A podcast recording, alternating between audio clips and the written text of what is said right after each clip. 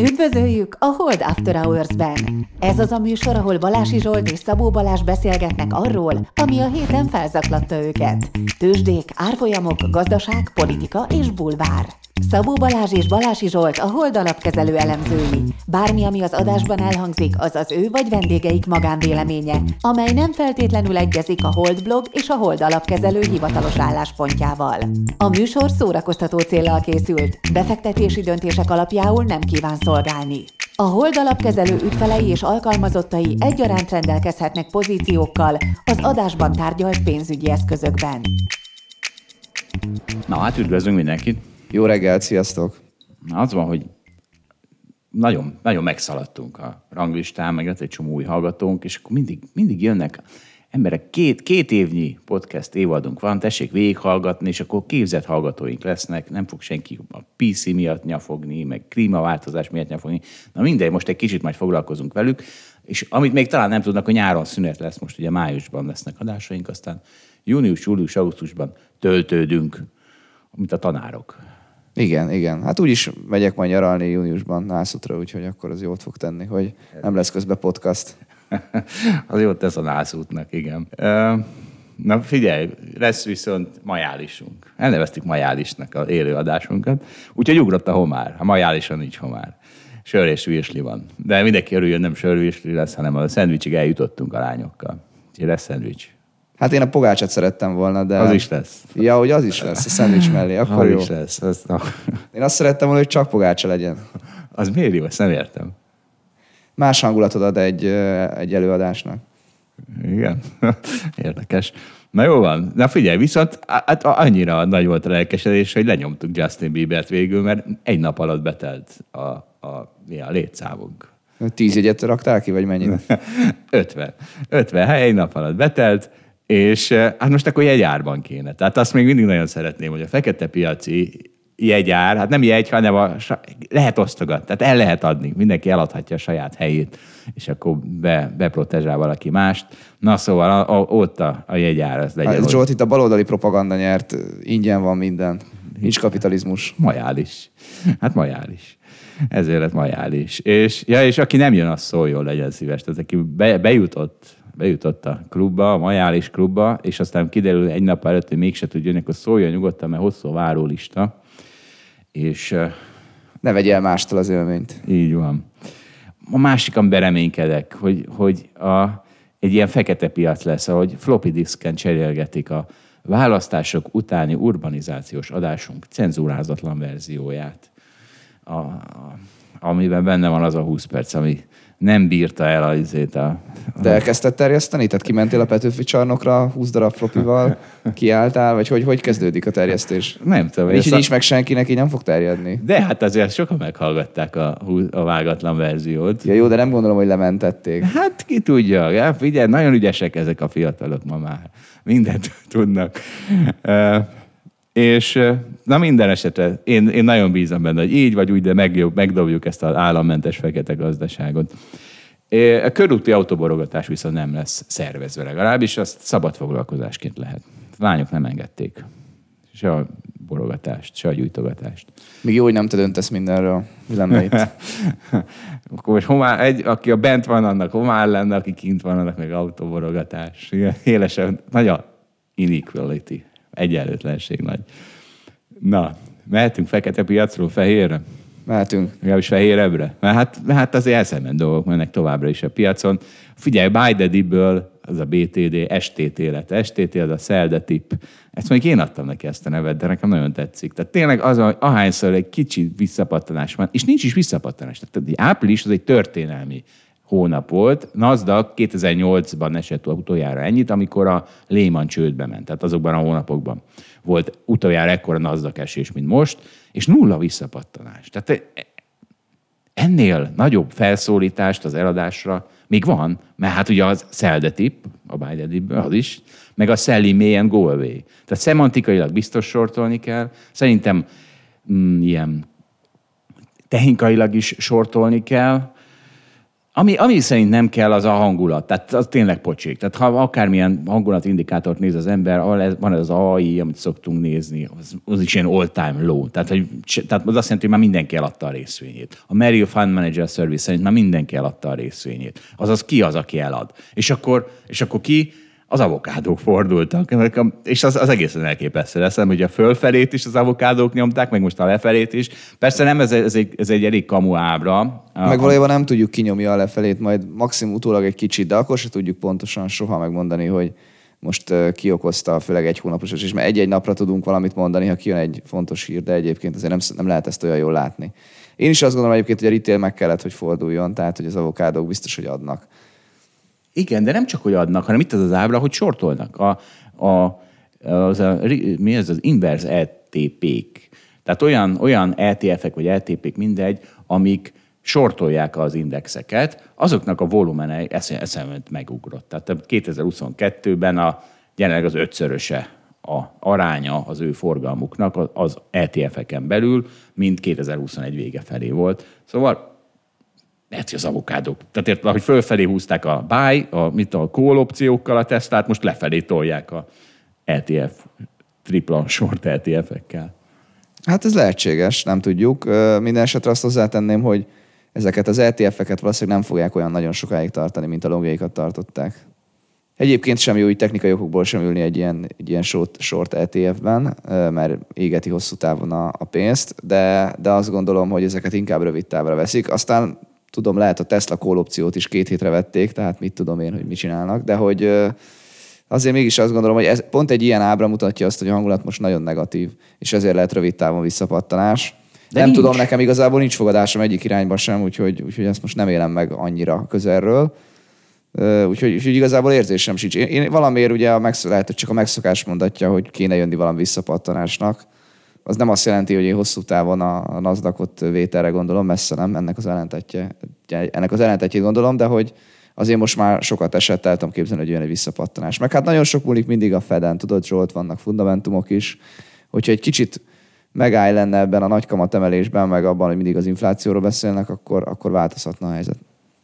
Hát jó, igen, nyilván kell ceteris paribus, meg ha kibékül Putyin, és ő visszaesnek az energiát. Hát a nasdaq a legkevésbé szerintem nekik sokkal kevésbé számít, hogy kibékül a Putyin. Hát ugye, kibékül Putyin, vagy lelövik Putyint, a legjobb megoldás, akkor visszaesnek az energiárak, ha visszaesnek az energiárak, visszaesik az inflációs nyomás, ha visszaesik az inflációs nyomás, akkor a Fed rögtön lehet békésebb, és akkor már a NASDAQ is emelkedhet. Igen, de szerintem sokkal fontosabb, hogy mit gondolnak Amerikában arról, hogy strukturálisan, hogy változik meg az infláció, és nem csak az energiárakra lőnek, én azt gondolom. Ja, de hát nagyon érdekes. Tehát igen, is most sokszor elmondtad, hogy már akkor esés volt, hogy visszapattanásnak kéne jönni, és nem jön. Egyszerűen nem jön visszapattanás. Van valami visszapattanás, másnap megint 4% mínusz volt a DAX. Egészen elképesztő dolgok folynak itt. Na mindegy, én, én lelkesen sortolom az indexeket. És azt hozzátenném, hogy tehát a grossz részvényekből van ugye, vagy abban van ez a nagy esés, tehát azt látni kell, hogyha mondjuk ha valaki ránéz az S&P Value ETF-re, akkor ez egy teljesen másik képet lát, mint, a, mint az, ami teljes S&P vagy a teljes nasdaq van. Tehát sokkal kisebb az esés. Vagy a deepvalue alapunkra. Rá is nézek most a deepvalue alapunkra. Igen, tehát hogy nem általános az esés a piacokon, nem minden részvény esik. Tessék, hát nem tudom, hogy hogy számszerűsítsem. A deepvalue alapunk az, mit tudom, idén pluszban van. Igen, az elég jó. Év eleje óta 2% pluszban van. A NASDAQ az hol van? Te tudod? Mínusz 20 valamennyi év eleje óta. Akkor ez NASDAQ-ban mérve nagyon jól teljesít a igen. A, a, az hozzá kell tenni, hogy volt ez fordítva is abban a tekintetben, mhm. hogy a value részvények mondjuk 18-19-ben mennyire utasítotték a nasdaq Igen. Majd erről lesz szó, de akkor hozzá is teszem. Tehát Cathy Wood Ark alapja és Warren Buffett 5 éves távon ugyanazt a hozamot csinálta. Mind a ketten csináltak 90% hozamot körülbelül 5 év alatt, egyébként egy jó hozam, csak Cathy Wood ezt úgy érte el, hogy volt egy hatalmas emelkedés, egy borzasztó nagy visszaesés, mert ugye már éveleje óta 50% esésben van. Hát Warren Buffett meg ehhez képest egyenesebben érte el, vagy hogy mondjam, egy, egy jobb alsult egy egyenes vonalra az, hogy hogy érte el ezt a hozamot. Persze az övébe is vannak visszaesések, meg, meg nagyobb emelkedések. Na, és ha már Warren Buffett, hát már ugye ez, ez egészen elképesztő. Tehát az történik, hogy hogy, hogy volt egyszer egy majdnem vendégünk, Pozsár Zoltán, aztán a következőt megígértem, hogy Elon Musk lesz, és akkor lett egy Elon Musk tettok, és akkor azzal foglalkoztatunk. Most meg, és mondtam, hogy a következő Warren Buffett lesz. Erre kiderült, hogy most van a Berkshire-nek a nem tudom milyen közgyű... közgyűlésre. közgyűlésre, ami mindig rengeteg muníciót szolgáltat nekünk. Úgyhogy hát akkor most remélhetőleg abból fogunk itt idézgetni. Bár ugye egy, két, egy 92, meg egy 98 éves emberről van szó, kicsit már nehezen érthetően beszélnek angolul, úgyhogy nem tudom, mennyire vágogatjuk be majd őket, mint majdnem vendégünket, szó szerint. YouTube-ból lehet feliratozni, néha benyomtam. De egyébként nem, tehát az van, hogy ugye egyébként rosszul mondtad, mert 91 és 98 évesek. Jaj. Sajnálom de a, az a durva, hogy ott ülnek 6 óra 10, azt hiszem, vagy 6 óra 30 percig a közgyűlésen, legalábbis a videó annyira hosszú, hát nyilván végignézhetetlen, úgyhogy nem, nem is néztem végig, és jól érzik magukat, nagyon jól érzik magukat, én azt láttam. Köze lehet ennek egyébként ahhoz, hogy azt hiszem a felütés az, hogy Warren Buffett megkérdezi, hogy hát hol vannak az index fundok, vagy hogy hát gyakorlatilag hol vannak a, a passzív befektetők, nem látok egyet sem, hogy valami ilyesmit viccel az elején. Thank you. I don't hear anything from the index funds. Where are they? uh, it's really, uh, it's really be, it really feels good to get back and de, na, igen, mert végig, végig aláznak mindenkit. Ez nagyon jó. Belőlem nagyon jó Charlie Munger lesz, én rájöttem. Tehát egy tulajdonságon biztos, hogy megvan Charlie Mangerben, hogy bárkit, bármikor agyon szopat nagyon lelkesen és intelligensen. Na, hát Köszönöm szépen, megdicsértem magamat a Charlie Munger tulajdonságaim egy része miatt. Na, Remélem rád is ilyen sokan fognak figyelni, mint ezen a, minden, ezt a videót, annyian idéznek. Na, szóval valóban volt közgyűlés, és hát mivel Warren Buffett ugye nem a grossz részvényeket preferálja, meg Charlie Munger nem a grossz részvényeket preferálja, így jelentősen jobban állnak, tehát a Berkshire Hathaway az, az pluszban van éveleje óta, a gonosz az itt most nem a Balázs értékítélete, tehát ők így, így hivatkoznak ezekre a dolgokra, mint a bitcoin, az a gonoszság, gonoszsága, nem, ugye? Tehát onnan vetted te is a gonoszot, hogy ő, ők mondogatják Persze, ezeket. persze, persze. Tehát valóban, mert mindjárt, mindjárt végvesszük, hogy miket szóltak, meg kinek szóltak be.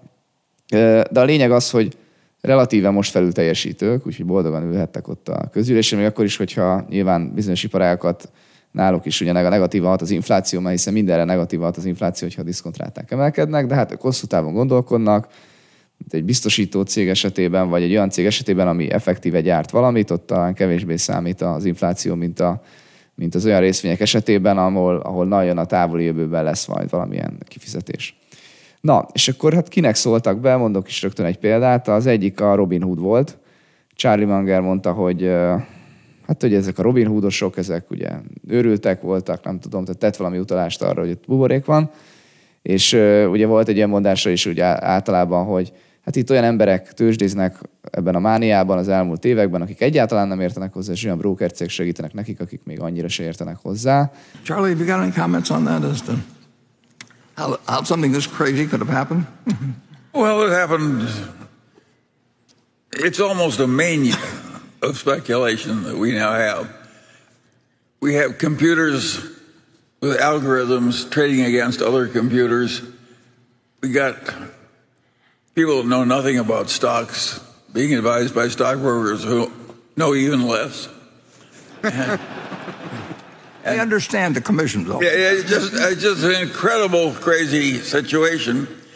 And it's weird that we ever got a system where all this equivalent of casino activity is all mixed up with a lot of legitimate long term investment.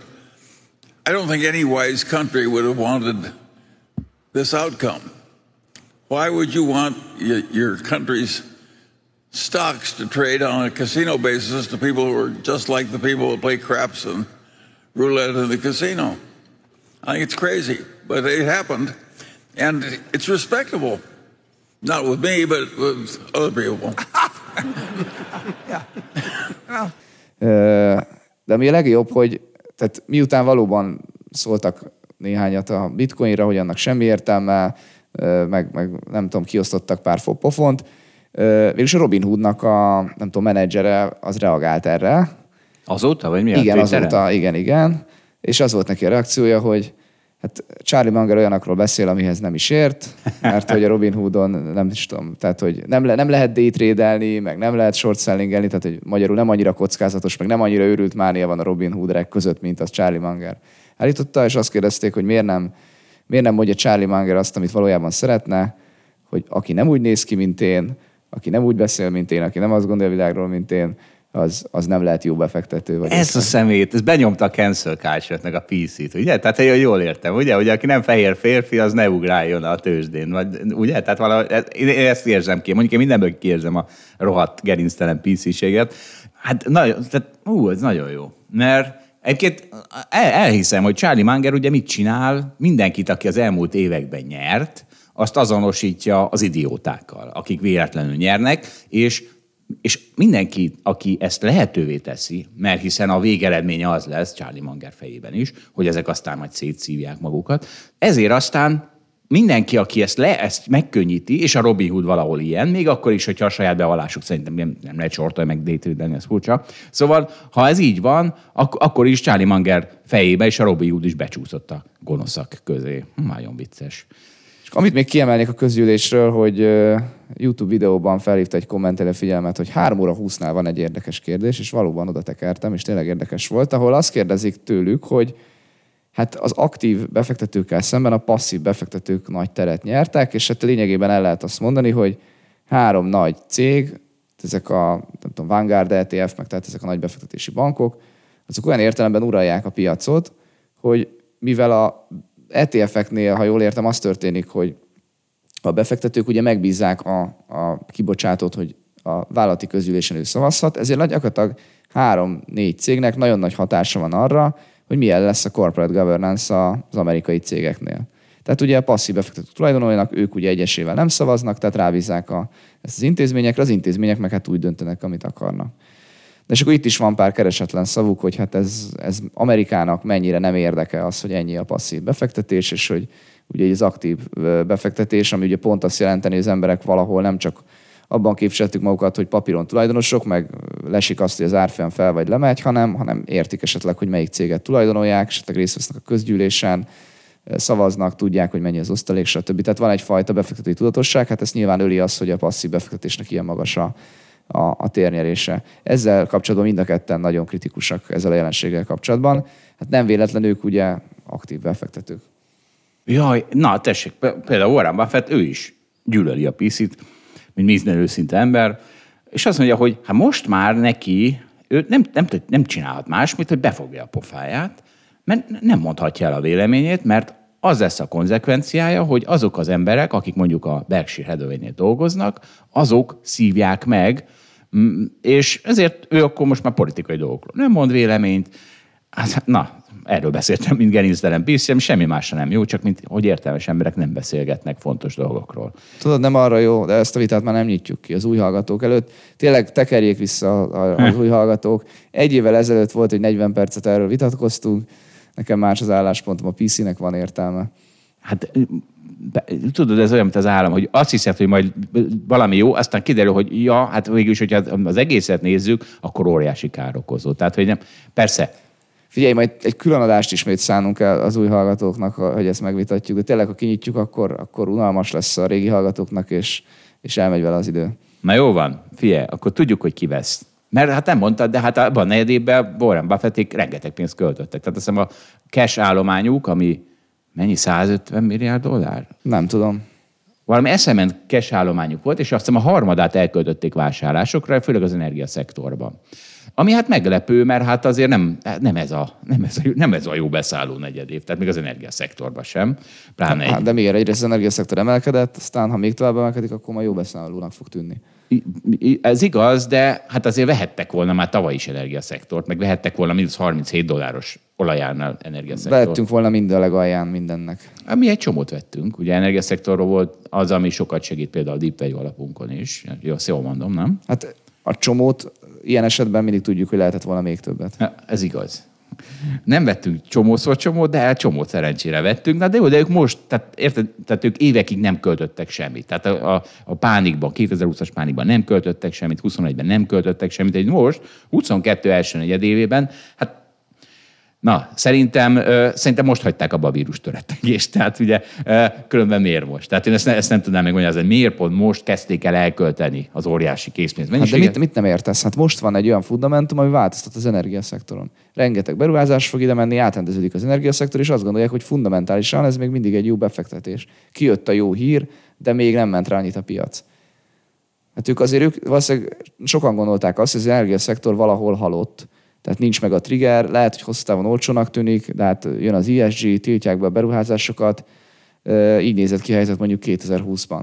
Ehhez képest most nagyot változott a világ, és, és hogyha messziről nézzük, akkor az energiaszektornak az árazottsága az, az bőven nem tért oda vissza, ahol volt, miközben az energiárak meg nagyon magasak. Tehát ebben láthatnak lehetőséget, ez teljesen érthető. Jó, hát hogyha eddig az ESG fogta őket vissza, amit valahogy nehezen hiszek, akkor valóban. Én, én, a vírus törettegést látom bennük. Hát Zsolt, hiszen- nem az ESG fogta vissza, hanem az, hogy nem volt kereslet az energiára, vagy nem voltak ilyen magasak az árak. De, de a Warren Buffették, ők nem, ők nem, tehát ugye miért nem volt? Például az ESG miatt nem volt. Tehát ugye azért nem volt rá Ne, kereslet. nem, tehát hogy egyszerűen az van, hogy most, amikor fellendült a Covid után a gazdaság, akkor lett nagy kereslet az olajra, meg a tudták. gázra. De Balázs, ez mindannyian tudtuk, hogy akkor után föl fog lendülni a gazdaság. Hát akkor ez jobb lett volna mínusz 37 dolláros. Igen, volt egy ilyen hír. Most meg jött mellé egy olyan hír, ami fontosabb egyébként az árak szempontjából, hogy egy csomó kínálat átrendeződik meg. Tehát Oroszországból majd nem veszünk olajat, akkor máshonnan kell venni, akkor az átrendezi a, az, hogy mi történik az energiaszektorban. Tehát egy csomó nagy változás van most ott. Egyébként nem csak olyan energiacég van, aki ugye kitermel gáz meg olajat, hanem olyan is van, aki ezeknek az energiaberuházásoknak mondjuk a nyertese. Tehát, hogy ez, ez, most változtak meg a fundamentumok. Szerintem ebben nincs igazad, mert a globális olajfogyasztás az nem változott meg. Tehát az, hogy az oroszok most már nem Európába szállítanak majd, hanem Ázsiába, az nem változtatja meg a globális olaj kínálat keresletet. Az Pláne elmúlt két évhez képest ugye nagyon megnőtt az olajfogyasztás, nem meglepő módon a Covid után, az az egyik hatás. ez volt a kínálat az- Igen, tehát ez volt, amit látni kellett volna nekik is, igen. igen, és akkor ott van a kínálat, amit nem láttak, és most döntenek. De a kínálatnak nincs baja. Tehát a, szerintem a kínálat, Kínálatnak nincs baja. Hát, hát hogy ne lenne baja? mert az orosz olajat meg fogja venni Kína. Hát, hát ez azt- milyen de, vicces, de, de, kínálat, Zsolt, de Kína. hát, hát most te tényleg, tehát hogy csak nem gondolod, hogy ez, ezek az átrendeződések, ezek egy csettintésre mennek.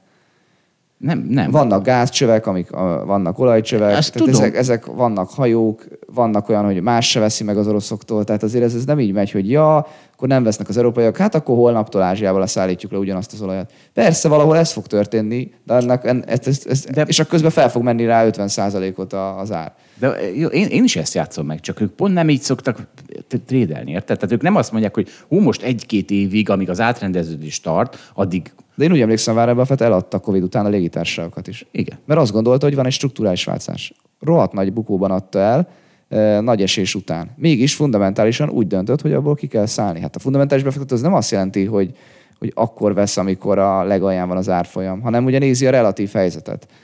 Hogy az adott világállapothoz képest, amit most ért, ahhoz képest hol van az ár. Na jó. És légitársaságot is el lehetett adni nagy esés után, és energiacéget is lehet venni nagy emelkedés után.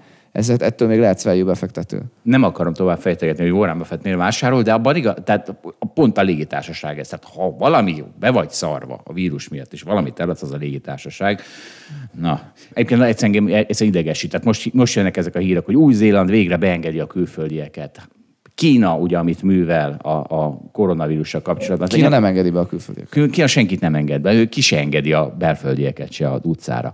És eh, tehát ez ilyen észak meg, meg Oroszország-szerű hazugság, amiben ezek az emberek tartják az, az új-zélandi lakosságot, hogy mennyire kell rettegni a vírust, meg a kínaiak, hogy mennyire kell rettegni, és, és, ez, és, ez a, és, és akkor most akkor kicsit kitérek erre a klímarettegésre. Új Péterrel is beszéltünk erről, de közben jött egy hallgató is, akik vannak képzetlen hallgatóink. Ők, ők még két végletben szocializálódtak.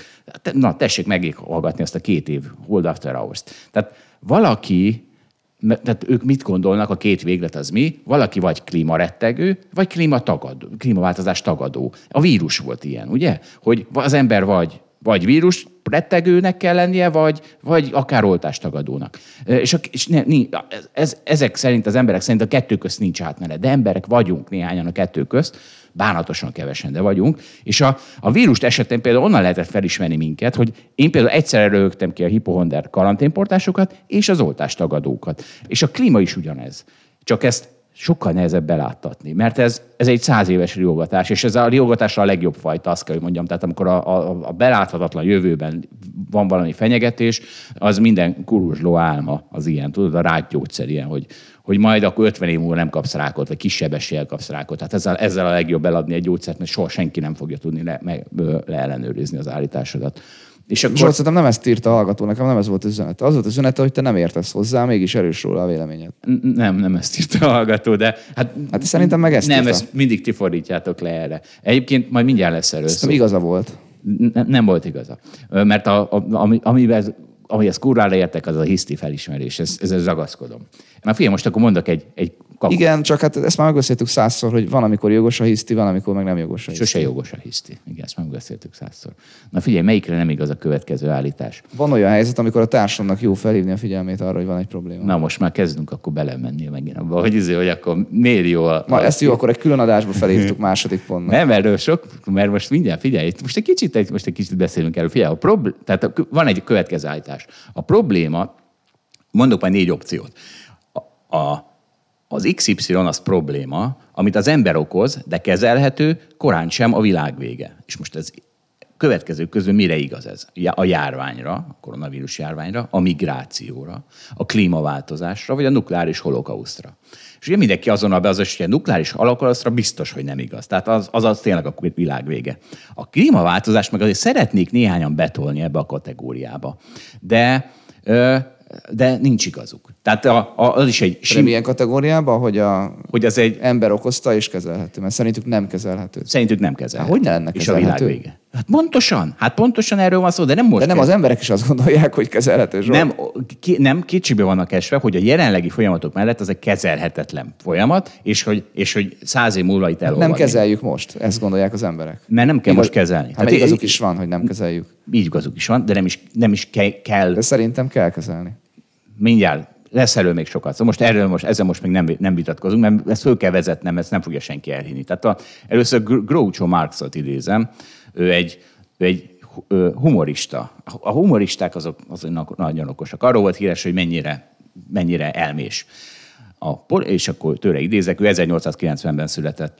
A politika annak művészete, hogy keressünk bajt, mindenütt megleljük, felállítsuk a hibás diagnózist, és használjuk a rossz orvosságot. Ezt ugye ezt akár Balási Zsolt is mondhatta, el is mondom szerintem minden második héten itt a podcastben.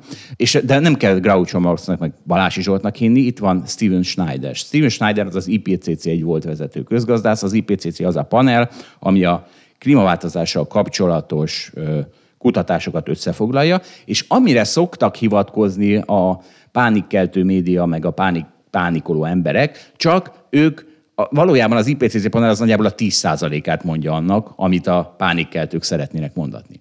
Na, szóval ennek a, fő, ennek a fő vezető közgazdászától egy idézet. Nem csak tudósok, emberek is vagyunk. Csökkenteni kell a potenciálisan katasztrofális klímaváltozás kockázatát. Ezért ijesztő forgatókönyvekkel, leegyszerűsített drámai hangvételű állításokkal kell operálnunk. Az esetleges kételjénknek pedig ritkán kell hangot adnunk. Gondolom mindenki fölismeri itt a propaganda elemeket a, a klímaváltozással kapcsolatban is. És, és, és akkor itt van Kína, ahol ahol ugye mi megy a vírussal kapcsolatban jelenleg, tehát csak hogy rátehessük az újunkat, hogy mi megy ott, ugye zero covid politika, csak a mostani Omikron az sokkal jobban terjed, mint bármelyik másik korábbi, viszont sokkal kevésbé veszélyes. Ezt próbálják sínek elmagyarázni, hogy itt most nagyon rossz az zero covid politika, mert, mert emiatt óriási gazdasági károkat okoz, hiszen annyira le kell zárni, és igazából nincs előnye, mert az emberek nem nagyon halnak bele. De mivel politika vette át itt is az uralmat, mint ahogy klímaváltozásban, mint ahogy migrációban, mint ahogy járványkezelésben, Xi nem mondhatja azt, hogy jó, tényleg az eddigi zero covid politikánk, amivel két éve dicsekszünk és verjük a mellünket, hogy mennyivel lenyomjuk a nyugatot, a hanyatlan nyugatot, nem mondhatja azt, hogy szaladjon végig az országon az Omikron. Továbbra is ragaszkodnak ehhez az egészhez politikai okokból. És ott tartanak, hogy ha valaki a gazdaságról negatív véleményt fogalmaz meg, egy elemző, akkor felfüggesztik a közösségi médió fiókjait a hatóságok. Tehát ők egyelőre így kezelik ezt a vírust, mert politikai kérdés.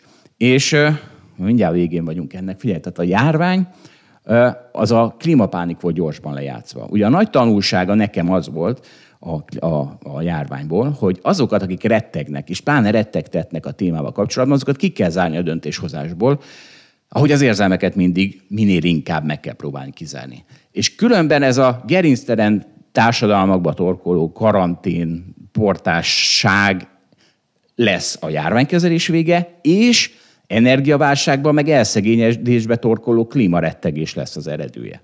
És most már ezt tényleg befejezem, tehát aki rettegi a klímakatasztrófát, akinek klímaszorongása van, annak Bjorn Ljömborgot kéne olvasnia, vagy hallgatnia. És persze nem fog. És... De őt is vegyük elő egyszerre, hosszan megvitattuk, ma elmondtam az ellenérveket vele kapcsolatban, most tényleg ne vegyük elő. Nem Azt érzem, elő. Zsolt, az van, hogy olyan az érvelésed, csak hihetetlen, hogy másoknál észreveszed ugyanazokat a hibákat, amiket magadnál nem. Tehát tényleg nagyon egyszerű. Most hoztad ezt az állítást 1890-ből, majd konkrét jelenségekre megpróbálod ráhozni. Mondhatod volna ennyi erővel, hogy többet észszel, mint erővel, ez egy jó közmondás, igaz magyar közmondás, majd hozol két furrandom példát, amiben vagy igazad van, vagy nem, de iszonyatosan meg vagy győződve arról, hogy, hogy te most itt elmondod a kritikát, és elmondod a tutit. Csak az van, hogy ezek a kérdések, amiket hoztál, itt szükséges az, hogy a politika tegyen valamit. Látod például a klímaváltást, hogy a piac ezt rohadtul nem oldja meg. A COVID, COVID esetében Kínában nyilvánvalóan kell hozni politikai döntést, minden országban kellett hozni politikai döntést, nyugaton is kellett hozni, minden Svédországban országban. nem hoztak, Svédországban, Svédországban nem is hoztak. ez egy politikai döntés volt, hogy, nem hogy hagyja, hagyják politikai. azt, hogy kiszervezték annak az embernek, és aztán vagy jó lett, vagy nem lett jó. Egyelőre el, elég sokan haltak meg, tehát Skandináviában, Svédországban haltak Nem meg a ebbe mérjük, legtöbbet. Balázs, Egy, nem de hát a ebben is lehet hülyeséget. mérni, hát ez nem hülyeség, ez egyik legfontosabb mérőszám. Tehát akkor mi? Tehát a halottak száma nem számít szerinted? Nem az számít. Hát úgy, Mi ahogy- számít akkor? Ne, nem az számít. Nem az számít. Az Akkor számít.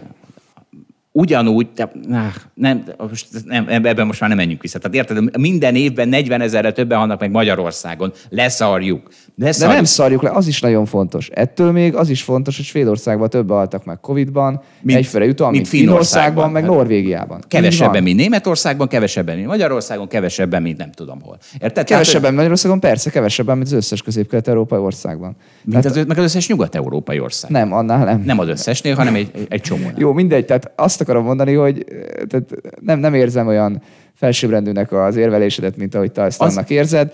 Az a baj ezekkel, amit mondasz, hogy nem váz, tehát fel kéne vázolni akkor egy jobb alternatívát. Szerintem az neked sincs a fiókban, amikor beszélgettünk Varró Lászlóval, és akkor hoztad ezt a geoengineering megoldásaidat, akkor is, tehát én azt gondolom, hogy ezeket ugyanolyan, vagy még könnyebben le lehet söpörni az asztalról, mint ahogy te kritizálod azt az alternatívát, ami, ami jelenleg történhetne nevezetesen, hogy valahogy mégis kezeljük a, a, a klímahelyzetet, akár a jelenben. Na mindjárt. Erre is fogok most mindjárt válaszolni. Tehát ott tartottunk, hogy nem fog Björn Lomborgot olvasni. Tehát a, nem az van, hogy egy-egy példával támasztom alá azt, hogy többet észel, mint erővel, hanem minden példát. Tehát érted, nem tudsz ellenpéldát mondani, az a helyzet. És De, de hogy ne tudnék? Tehát most tudsz. gyakorlatilag azt mondod, hogy nincs olyan kérdés, amit a politika tudna kezelni. Hát egy csomó kérdésben nyilvánvalóan az államnak kell döntenie, és az mindig politikához köze lesz, mert mégis a, a, a, az államot irányítja egy, egy kormányzat.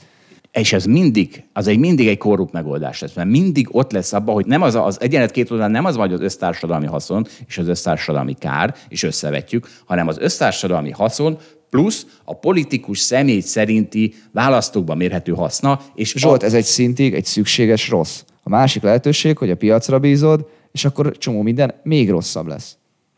Tedd a, tedd a, a, a piacra az egész egészségügyet, és az lesz, mint Amerikában, hogy kétszer annyit költenek egészségügyre, és rosszabb az eredmény. Nem mindent old meg a piac. Ezt lassan feldolgozhatál. A, amit én, amit én nem azon kardoskodok, hogy mostantól kezdve semmit ne az állam oldanja meg, semmit a piac, hanem azt, hogy ne legyen hisztéria dolgokkal kapcsolatban. Mert onnantól kezdve hisztéria van a járványkezelés. Onnantól kezdve hisztéria van a, a társadalomban, a politikus még inkább rossz megoldásokat fog szállítani.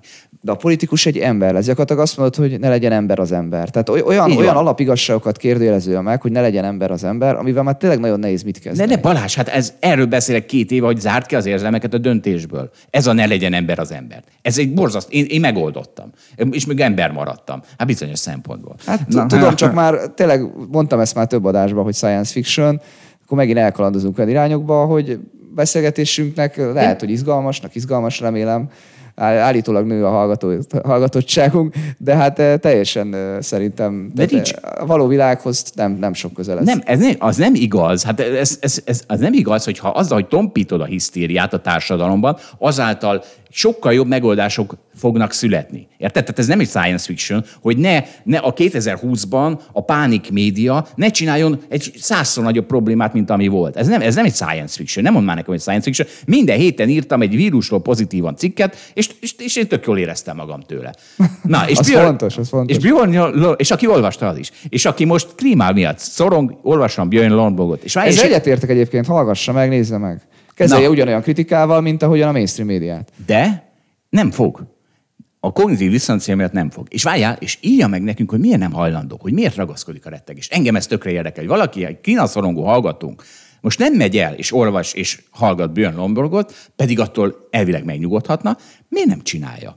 Egyébként, és akkor utol, tényleg utolsó, ez már nem is a témához húzok, de bemondom, hogy kényszerítsem magam a nyáron. A nyáron ugye három hónap ilyen szünet, és akkor én végre tudok egy csomó minden mással is foglalkozni, és klímaváltozással fogok foglalkozni. És ezt leszarhatják a hallgatók. Úgy már tavaly is azt mondtad. E, így van, de most, most be, de akkor nem mondtam be előtte. De most bemondom, hogy ezzel tudod, egy kicsit... Nekem jobb. mondtad, de mi történt, Zsolt, nem sikerült? Hát kurva nehéz. Tehát kurva nehéz ezekre rávenni magad, hogy, hogy egy, egy viszonylag új, új izénben mélyegyél. Na figyelj, a, hozok nekem majd egy könyvet, én kaptam az Orsitól karácsonyra, az a cím azt hiszem, hogy Firestorm Flood, tehát, hogy végigveszi egyébként, hogy hogyan nézett ki a Föld az elmúlt nem tudom hány millió évben, az elejétől kezdve, mi történik most, és legjobb, hogy vannak hozzá képek. Az azt jelenti, hogy az érzel, így ilyen érzelmi kavalkádba fogsz kerülni, amikor Mert... látod ott az égő erdőket, Jó, meg a, a, nem tudom, hálóban a kisteknőst, vagy a műanyag, műanyag dobozban a kisteknőst a tengerben. Tehát, tehát erre tehát, a, érted, hogy... Erre a csúcs baromságra még én is tudom a választ. Tehát egyrészt nincs több ciklon, nincs több fire, nincs több flood, mint volt, de ráadásul századannyi ember hal Szerintem meg bennük. több van, csak századannyi ember hal meg benne, mert tudjuk kezelni. Pontosan. És tudod, nem csak az az érték, hogy az ember életet megmentjük, tudod, te is ezt mondtad Azért a vírustás Svédországban. Azért nem, hanem hogy simán csak az, hogy megvédjük a környezetet, az önmagában egy érték. Tehát, hogy lehet, hogy a kis teknősöknek a száma, ha megtizedelődik, akkor egyébként nem lesz az embernek semmi baja, de mégis egy csomó ember azt gondolja, hogy ez egy érték, hogy ne írtsunk ki fajokat magunk körül. Nem tudom, hányszor több fa van, mint száz évvel ezelőtt. Csak, csak úgy mellékesen mondom. Sokkal több fa Igen, van. de azok másmilyen fák, azok nem az eredeti esőerdők, hanem azok ültetett fák. Van különbség. Na, ezekről fogunk, na most akkor elmondom. Tehát három hónapig ebből, ezekből fog készülni. Egyrészt ez segíti a munkánkat, mert hiszen a befektetéseket is nagyon erősen befolyásolja ez a klímaváltozás, meg a, azzal kapcsolatos hisztéria. És ez miért lesz jó a hallgatóknak? Tehát én biztos, hogy egy, nem gyűjtök szavazatokat. Tehát amit én mondok, azt nem azért mondom, hogy szavazatokat gyűjtsön. Kettő, biztos, hogy nem rettegem. És ezért nem fogom megpróbálni felnagyítani a bajt. Mi leszünk a klímaváltozás tudásrendszer. És mindenki utálni fog engem emiatt, mert hogy csesztetem a kognitív diszonanciáját. Na figyelj, ez a jövő. Most a jelenben, amihez értünk, pont most jött egy ábra, nagyon vicc, érdekes ábra. A költségvetés kamatkiadásainak alakulása a milliárd forint. A Portfolio.hu becslése szerint 2019-ben 1000 milliárd forint volt, igen, jól számolom. Ez 2022-ben 1600 milliárd, tehát 600 milliárddal több lesz évente a költségvetés kiadása idén, mint volt három éve, és ez megy föl 2400 milliárdig, tehát két és fél szereződik 2026-ig. Ez a Portfolio.hu becslése, simán nyilván kamatpályákból számolják ezt ki, és ez azért érdekes, ennyi miatt érdekes, mindig verte magá a mellét a kormány, hogy lehozták a kamatkiadásokat. Most visszaúrja a két és fél szeresére is. És semmi köze a kormányhoz. Tehát hozamemelkedés van a világban, fölmennek a magyar hozamok is. Pont ugyanúgy, ahogy a kamatkiadások lehozatalához sem volt semmi köze a kormánynak, kamatcsökkenés volt a világban, lehozta a kamatkiadásokat. Na, és akkor most jön Cser Tamás. Hát azt hiszem most jön. Mert lehet, hogy két adásban, két részletben rakjuk ki az adást. Mindegy, azt hiszem most jön Cser Tamás. Na, akkor üdvözöljük Cser Tamást ismét körünkben. Szia Tamás! Jó sziasztok. reggelt, sziasztok, szia Tomi! Na, jó van, össze-vissza köszöntetek, de mindegy, Balázs se tudja, hogy hol vagyunk. Na figyeljetek, először ezzel kezdem, mert Tamás valószínűleg a legnagyobb gurmand itt hármunk közül. Lecsesztetek az 500 forintos húsvéti kalácsomért. Még ma reggel is azt tettem, és még mindig, még szinte nem is romlott az állaga. Most ez nem tudom, hogy azt mondja, hogy ez, ez egy kurva jó kalács, vagy egy kurva szar kalács, de én boldog vagyok vele. Igen, ez elgondolkoztató, hogy mitől tudja tartani valami nagyon sokáig az állagát. Mert minőségi, azért, mert minőségi. Mint a Mercedes autók. Csak, akkor, csak mondjuk azok nem 500 forintok, az igaz. Na, jó van, hát akkor, akkor, de akkor ti már nem esztek húsvéti kaját ezek szerint, mert addig gagyi kalácsotok már elvásott. Én nyaralni mentem húsvétkor, az egész kimaradt, és biztosan nem cseszegetlek ezzel, Zsolt. Na jó, akkor, ha nem gurmankodunk, hát akkor gurmankodjunk a tőzsdén, mert hát nagy izé van, Balázs Boldog jelentett az elmúlt napokban Apple, Facebook, Amazon, és, és óriási kavalkád van. Na kezdjétek ti. Én, a, én majd az árfolyam mozgásoknál lépek be. Én elkezdem a Facebookkal, mert az volt először a sorban, aki jelentett. A Facebookra szerintem már nagyon negatív volt a sentiment, ugyanis az előző negyed év végén volt ugye egy nagy zuhanás, akkor jelentett nagyon rosszat, akkor sorolták a problémákat, többek között azt, hogy mennyire lassul egyébként a felhasználószám, és így összességében a hosszú távú kilátások romlottak, talán ez volt a legfontosabb. Az, hogy egyébként sok pénzt fognak költeni a metára, beruházásokra, az, hogy egyébként az Apple privacy problémák, hogy már a Facebook marketing targetálás nem lesz olyan pontos. Tehát egy csomó problémát jelentett, és szerintem a Facebookon nagyon negatív volt a sentiment, és miután egyébként a Netflix eset, arról már beszéltünk egy másik podcastban, utána szerintem a befektetők már előre azt gondolták, hogy hát ebből a Facebookból ki kell menekülni, a Netflix is kétszer esett óriásit, akkor lehet, hogy a Facebookkal is így lesz. Aztán ehhez képest egyébként a Facebook tényleg nem jelentett valami nagyon erőset, de már annyira szét lehetett sortolni, hogy túl volt adva, vagyis a Facebook az egy ilyen 20%-ot emelkedett közel tegnap a kereskedésben a, a jelentésére. Igazából nem mondtak már új negatívumokat a, az előző negyed évhez képest, nagyjából azt a pályát lehet árazni, ami akkor volt. Igen, igen, úgy tűnik, hogy kellően nyomottá váltak a várakozások itt. Szerintem számomra az az érdekes itt ezekben a jelentésekben, hogy ha nézzük ezeket a fangokat, hogy ezek olyan vállalatoknak voltak gondolva, hogy ezek gyakorlatilag nagyon ütésállóak, nagyon tartósan tudnak növekedni, minden környezetben jól fognak teljesíteni, és ennek megfelelően az árazások is ugye egyre feszítettebb lett az elmúlt években. Nagyon-nagyon jól teljesített, még hozzá is tett az, hogy a, a vírus inkább pozitívan érintette a bizniszüket is. És most sorba látjuk azt egyébként, hogy már nem sikerül azokat a magas várakozásokat megugrani, amit korábban a befektetők velük támasztottak velük szemben. Ugye először a Facebook omlott össze, hát szerintem nyugodtan beszéltünk arról, hogy összeomlott, mert az árfolyama nagyjából a felén van, mint a, a egy évvel ezelőtt, és egyébként ott van, mint 5-6 évvel ezelőtt. Utána a Netflix omlott össze, szintén amiatt, mert nem tudott már úgy nőni, vagy nem tud nőni annak megfelelően, hogy korábban várták, és, és ugye tegnap meg az Amazon kapott egy nagy pofont, szintén, ha jól értem, olyan okok kapcsán, hogy, hogy nem tudja azt az árbevétel növekedés hozni, amit gondoltak. És szerintem ez nagyon jól rávilágít egy, egy jelenségre, amiről sokszor beszéltünk már itt a vírus kapcsán, hogy a vírus az előrehozott sokféle költést, elsősorban az olyan költéseket, ami az otthonmaradás mellett jól működtek. Valószínűleg ilyen volt a Netflix szolgáltatás is, ilyen lehetett valamennyire azért a Facebookon is az, hogy, hogy az emberek még inkább aktívan csak a telefonjukat nyomkodták. Ilyen volt abszolút a, az internetes kereskedelem, hát zárva voltak a boltok, vagy féltünk elmenni a boltokba. Nyilván akkor az internet nagyon előre került, az internetes vásárlás. És ugye ennek az volt a kérdés, hogy ennek mikor jön el a, az ára, illetve eljön-e az ára. Ugye a piacon nagyon sokszor volt olyan optimista hangulat, hogy igazából ez csak még inkább kinyitja az ajtót a növekedések előtt, nem csak, hogy egy magasabb szintre érkezik ezeknek a vállalatoknak a részesedése a gazdaságból, hanem azáltal, hogy még elterjedtebben használják őket, még többen szoknak rá, még, még jobb és akár nagyobb növekedési pályára is kerülnek, és egyre inkább most az látszik, hogy, hogy a valóság inkább az, hogy előrehozott fogyasztás volt, és, és ennek kezdek meginni az árát a, a, ezek a részvények. Azért az Apple az még nem, mit mondjak? Hát szerintem nem, nem úgy kell érteni, hogy ö, már bekövetkeztek a, a problémák, inkább szerintem a várakozások vagy az előrejelzések, tehát amit a cég kommunikál a saját jövőjéről, azok miatt történtek ezek a esések. Nem igazán azt kell, azzal volt a probléma, hogy mi történt az első negyed évben. Igen, az Apple végül is jót jelentett.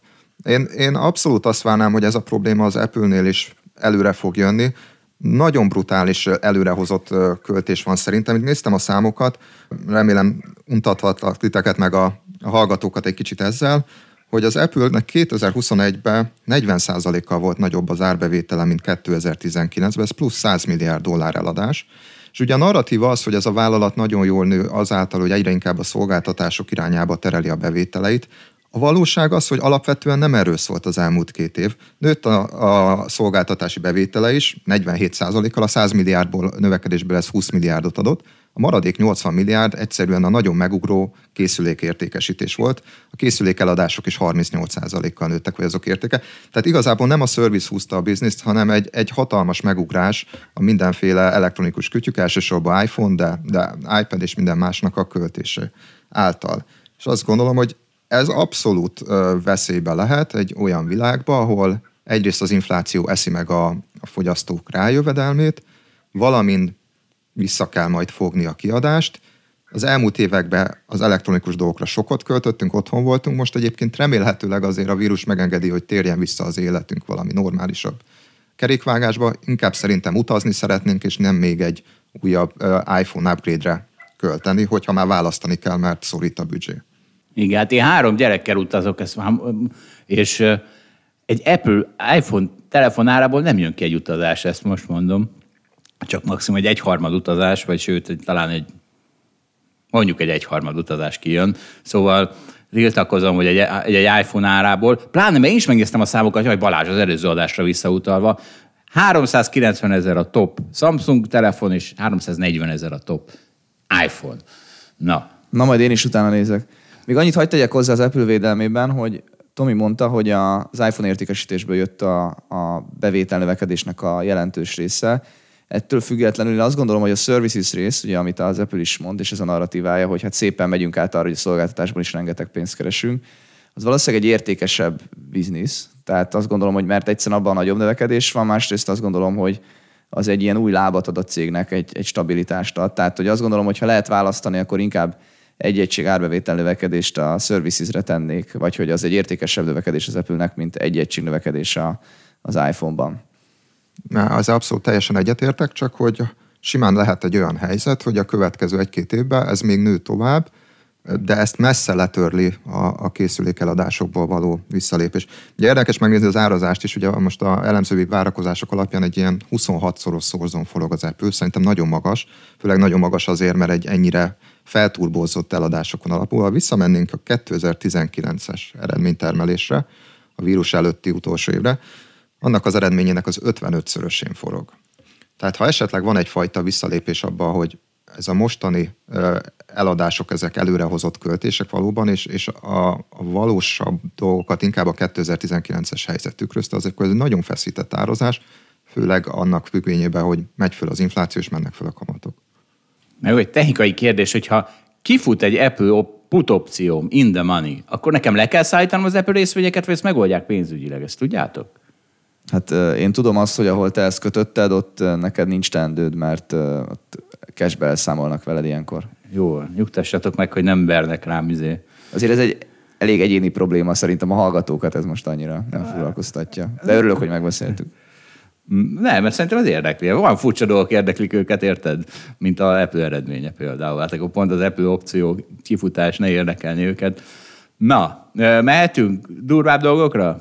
Mehetünk, persze akkor, na figyeljetek, mert a Tamás, hát ugye a Matáv operett, a Matáv az a Magyar Telekom, csak az itt néha Matáv. Szóval a Matáv operett harmadik felvonására is eljött, mert ugye csak három mondatban, hogy ne arról beszélgessünk, ami az előző kettőben is. Ugye az történt, hogy mi itt nagyon elégedettek, sőt, gyakorlatilag minden kis befektető nagyon elégedetlen a Magyar Telekom osztalékfizetési politikájával, mert nem fizet ki elég, mm, elég sokat osztalékként az eredményéből, és ezzel ellen tiltakoztunk több fórumon, nyílt levélenben, majd elmentünk a közgyűlésre, ugye pont Tamás meg Dani elmentetek a közgyűlésre, és ott élőben is tiltakoztatok, mint kisrészvényes, és egy csomó mm, mm, ö, ö, mi ez? napirendi pontot hozzáfűztetek a közgyűléshez, és aztán végig is ment a szavazás, de a Deutsche Telekom, ugye, aki többségi tulajdonos, az a kis részvényesek minden javaslatát leszavazta. Na Tamás, hogy érted ezt meg? Így van, hát köszönöm a felvezetőt. Nagyon rosszul értem meg, ez egy nagyon rossz közgyűlés volt lélektanilag. Rossz hangulatú volt, nagyon el is húzódott, ugye hat órán át tartott, nem egy szokványos dolog, és nagyon rossz üzenete is vannak szerintem. Ugye, ha, ha szétszedjük azokat a, a kérdéseket, amiket mi hoztunk a közgyűlésre, akkor voltak dolgok, amikben nem lepődtünk meg igazából, és voltak, amin eléggé meglepődtünk. Ugye, és itt szét lehet szerintem venni a, a javaslatainkat egy kicsit ilyen üzleti kérdésekre, meg értékalapú kérdésekre. Üzleti kérdés, hogy mondjuk most rövid távon mennyi osztalékot fizet a társaság. Mi azt gondoltuk, hogy indokolt lehetne több, de igazából ebbe, a, miután a társaság igazgatósága már határozottan állásfoglalta a két hónapja, és ebbe azt gondoltuk, hogy hát nem nagyon valószínű, hogy lesz változtatás, de azért ragaszkodtunk a korábbi álláspontunkhoz. Ami nagyon meglepő számunkra, vagy sokkal inkább meglepő, hogy ezek az érték, ö, értékalapú kérdésekbe ilyen negatív válaszokat kaptunk. Ugye mi itt olyan dolgokat szerettünk volna kérni, mint hogy a, egy nyilvános tőzsdei társaságban, ahol 40%-a a részvényeknek nem a Deutsche Telekomé, hanem a tőkepiacon különböző ö, szereplőké, ennek a 40%-nak lehessen már egy igazgatósági tagja, a nyolc tagú igazgatóságból lehessen már olyan igazgatósági tag, akit ezeket a kisebbségi részvényesek jelölnek, meg választanak be. Megakadályozta a Deutsche Telekom. Azt gondolom, hogy ennek, ennek van talán a legrosszabb üzenete, tehát egyelőre itt, itt egy, egy olyan vállalatról van szó, ahol a 60%-os tulajdonos önmagába el akarja dönteni, hogy ki legyen az összes tag az igazgatóságában, és senkit nem akar odaengedni, hogy más tulajdonosokat képviselve is ebben részt vehessen. Ezt jog, jog szerint megtehetik, de nagyon rossz üzenetet ad arról, hogy, hogy hogyan is tekintenek a társbefektetőikre. Így működik a magyar kormány, most így jut eszembe, nem? Tehát 50 on vagy kétharmaduk, és mindent ők akarnak eldönteni. Na mindegy, ez egy mellékvágány, csak így nagyon, nagyon éles volt a izé. De bocs Zsolt, tehát uh, itt nem arról van szó, hogy mindent ők akarnak eldönteni. Ha lett volna egy igazgatósági tag, aki nem a Deutsche Telekom nevez ki, akkor is mindent a Deutsche Telekom döntetett volna el. Egyszerűen csak elmondhatta volna a véleményét az igazgatósági tag, vagy ott lehetett volna az igazgatóságban. Így van. Ja. Így van. Nagyon helyes, hogy ezt mondod Balázs. Abszolút erről Tehát van az szó. kicsit olyan, mintha az lenne, hogy nem lehet a parlamentben sem más a kormánypárton kívül, az még az nincs. Na akkor itt még durvább dolgok vannak? Az, hát. az, az, az tényleg extrém durva. Jó, most túloztam, nem biztos, hogy jó volt így, mert valami parlamenti bizottsággal kellett volna párhuzamot vonnom, de nem menjünk bele, de tényleg szerintem is ez nagyon durva. Figyelj, szerintem azt az, az még érdemes itt azért összefoglalni a közgyűlés kapcsán, hogy szerintem azt kell látni a társaságnak, hogy igenis itt nem nekünk egyedüli fájdalmaink vagy véleményeink vannak. Sokan vettek részt a közgyűlés, nagyon sokan fejezték ki a nem tetszésüket. Hogy egy konkrétumot mondjuk például, hogy ugye az a javaslatunk, hogy igenis a Magyar Telekom menedzsmentjét a Magyar Telekom részvényekkel ösztönözzék, és ne Deutsche Telekom részvényekkel már. Ez a kisebbségi részvények 80%-ának támogatását élvezte a közgyűlésen tehát a Deutsche Telekom nem, vál, nem foglalt volna ebbe állást, hatalmas elsőprő többséggel meg lett volna szavazva. És uh, azt hiszem, hogy ennek, ennek egyértelmű üzenete van. Tehát itt uh, nem nekünk van problémánk, itt egy széles körű bizalmi válság van a társaság körül szerintünk a tőkepiacon. Úgy látjuk, hogy nagyon sok, a legtöbb befektető szerintünk a Deutsche Telekomon kívül befektető úgy érzékeli, hogy a kisebbségi részvényesek érdekei azok nem kellően vannak figyelembe véve Úgyhogy szerintünk van teendője a vállalatnak, hogy, hogy ezen változtasson.